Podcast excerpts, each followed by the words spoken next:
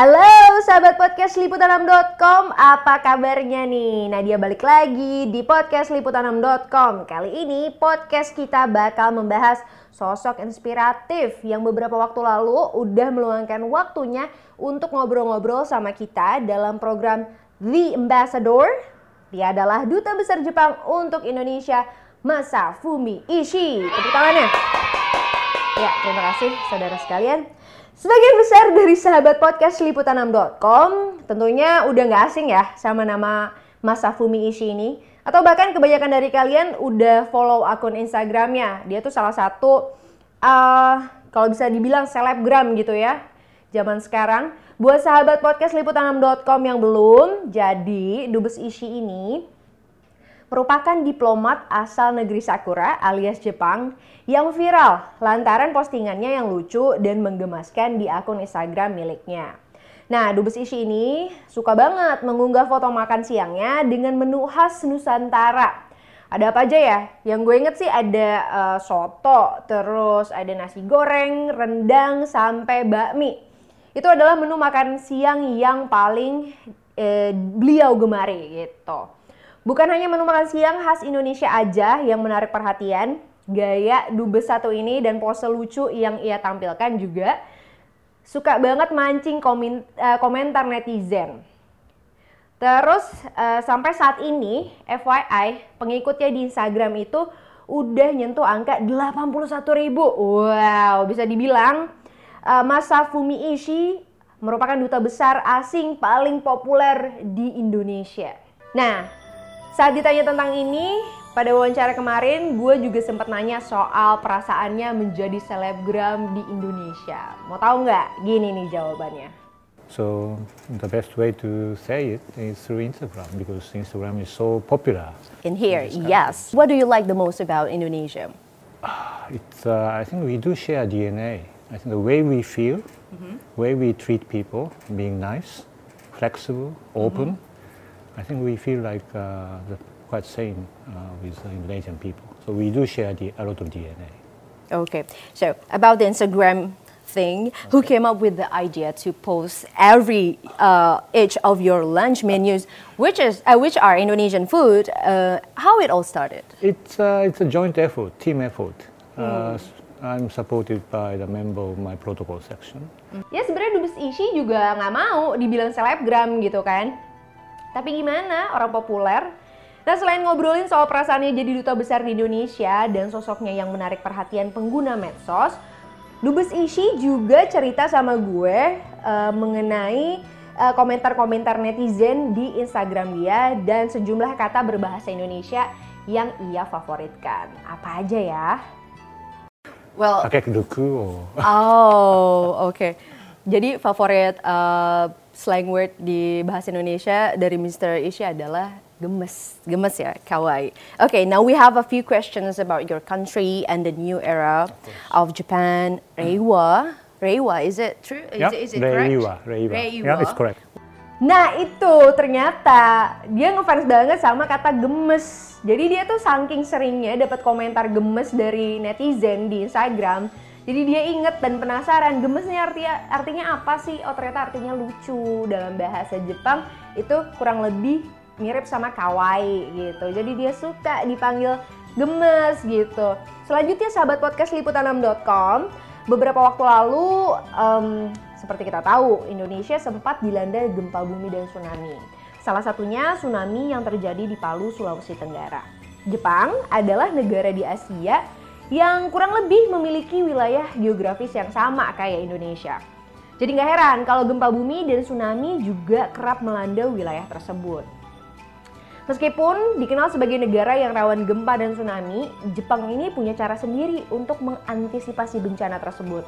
Jepang juga dikenal sebagai salah satu negara yang paling antisipatif terhadap bencana di seluruh dunia.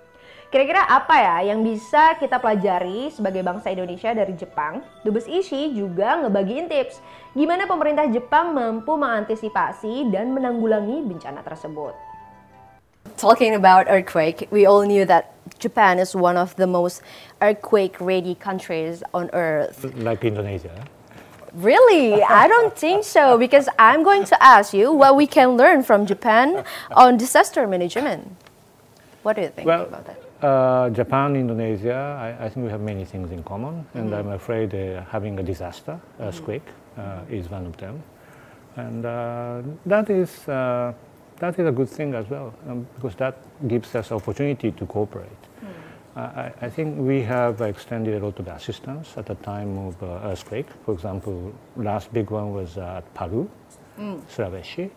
Uh, we send our uh, self-defense force for transporting uh, disaster goods, Thank you very much. and, uh, and we, we donated a few things, Uh, and also we are extending uh, cooperation for reconstruction of uh, bridges, uh, schools, Palu. Yeah, bri- I'm going to visit Palu next week and uh, to, to open the school which was uh, reconstructed uh, by the donation of Japanese people. So, so I- I think we, we have done a lot of uh, reconstruction efforts, but at the same time we have been cooperating in, with Indonesia for creating uh, early warning systems. Yes. Of course, to do something after you're hit by earthquake is one thing, Yeah. but to be pre- better prepared for the earthquake is completely different. Oh, jadi Dubes Ishi bilang Indonesia juga sebenarnya sudah antisipatif terhadap bencana, tapi mungkin kita belum maksimal ya. Perlu banyak belajar lebih lagi dari Jepang. Next, selain belajar tentang penanggulangan bencana, Indonesia juga mengadopsi teknologi dan sistem transportasi Jepang. Apa yo? Ya benar, kita punya MRT. MRT alias Moda Raya Terpadu yang merupakan moda transportasi baru di Jakarta. Dubes Ishi juga berkesempatan untuk menjajal MRT yang dibangun berkat kerjasama antar pemerintah Indonesia dan Jepang. Terus kira-kira gimana ya pendapat Dubes Ishi soal MRT di Jakarta? Enakan Jepang atau Jakarta? During your stay in Jakarta? Okay, I'm Have not, you- I'm not always eating lunch. I'm doing some business. Yes, I know, right? But and you also tried our MRT, Oh, yeah, right? sure, sure. So how was it? Let me know about your first impression. MRT is great. Really? Yeah, I think it is great. Well, first of all, of course, this is built uh, uh, based upon cooperation from Japan, but this is your system. I think the company MRTJ is uh, Indonesian company. Most of the workers are Indonesian people. There are a few Japanese people, but uh, they gave uh, technical assistance, and Yeah. now technology is, uh, is transferred to Indonesian people. So this is your project. So I should congratulate you. Thank you and very uh, much. I think the ride on MRT is very smooth, uh, no bump. No bump.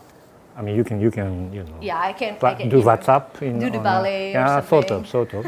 and I think Indonesian people are uh, using it very cleanly, and uh, they make lines. Mm, yeah. Yeah, it's, it's amazing. I, I, I- Tuh, ternyata MRT di Jakarta nggak kalah sama di Jepang. Oke deh, sahabat podcast liputan6.com, kebanyakan dari kalian tentu tahu kan kalau Olimpiade 2020 bakal dilaksanain di Tokyo, Jepang.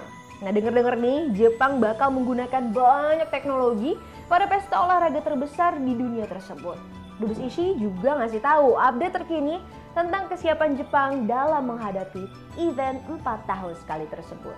Hmm, apa ya? uh, bring about the necessary changes to the existing uh, uh, agreement, which makes uh, the agreement even better. Okay, we'll see. Last questions before we say goodbye to our lovely uh, audience. Any updates from the preparations for 2020 Tokyo Olympics? How big is the event going uh, to be? Well, it will be uh, about one year from now Yeah. when the Tokyo Olympic uh, will be open. I think one year plus two or three days Yeah. today. Yeah. So we are very excited. Uh, preparation is going on very well, and uh, we look forward to welcoming uh, a lot of guests uh, and athletes from all over the world, including from Indonesia. And uh, of course, this will be an opportunity for competition. Yes. Of course, uh, everywhere, every country is serious about competition. Uh, but at the same time, this, this will be an opportunity for big exchange, uh, making friends, uh, enjoying Japan. Networking, enjoying Yeah, Japan. enjoying Japan. Culture, uh, food. exactly, and also we we are happy to learn a lot from people from other countries. Yes. So I, I, I think next year will be a huge opportunity for both of us to become even closer friends. True. I read that Tokyo will use a lot of technologies to transform the 2020 Olympics. Tell me more about that. Well, um, of course, uh, you will enjoy the uh, MIOT equivalent system in, in Tokyo. Uh, and also, I think heat will be a little bit of problem. Wow, gokil. Jadi pengen ke Tokyo nggak sih? Well, that's it for today. Itu dia tadi podcast liputan6.com hari ini. Terima kasih sudah mendengarkan. Sampai jumpa di podcast liputan6.com berikutnya. I'm signing out. Bye-bye.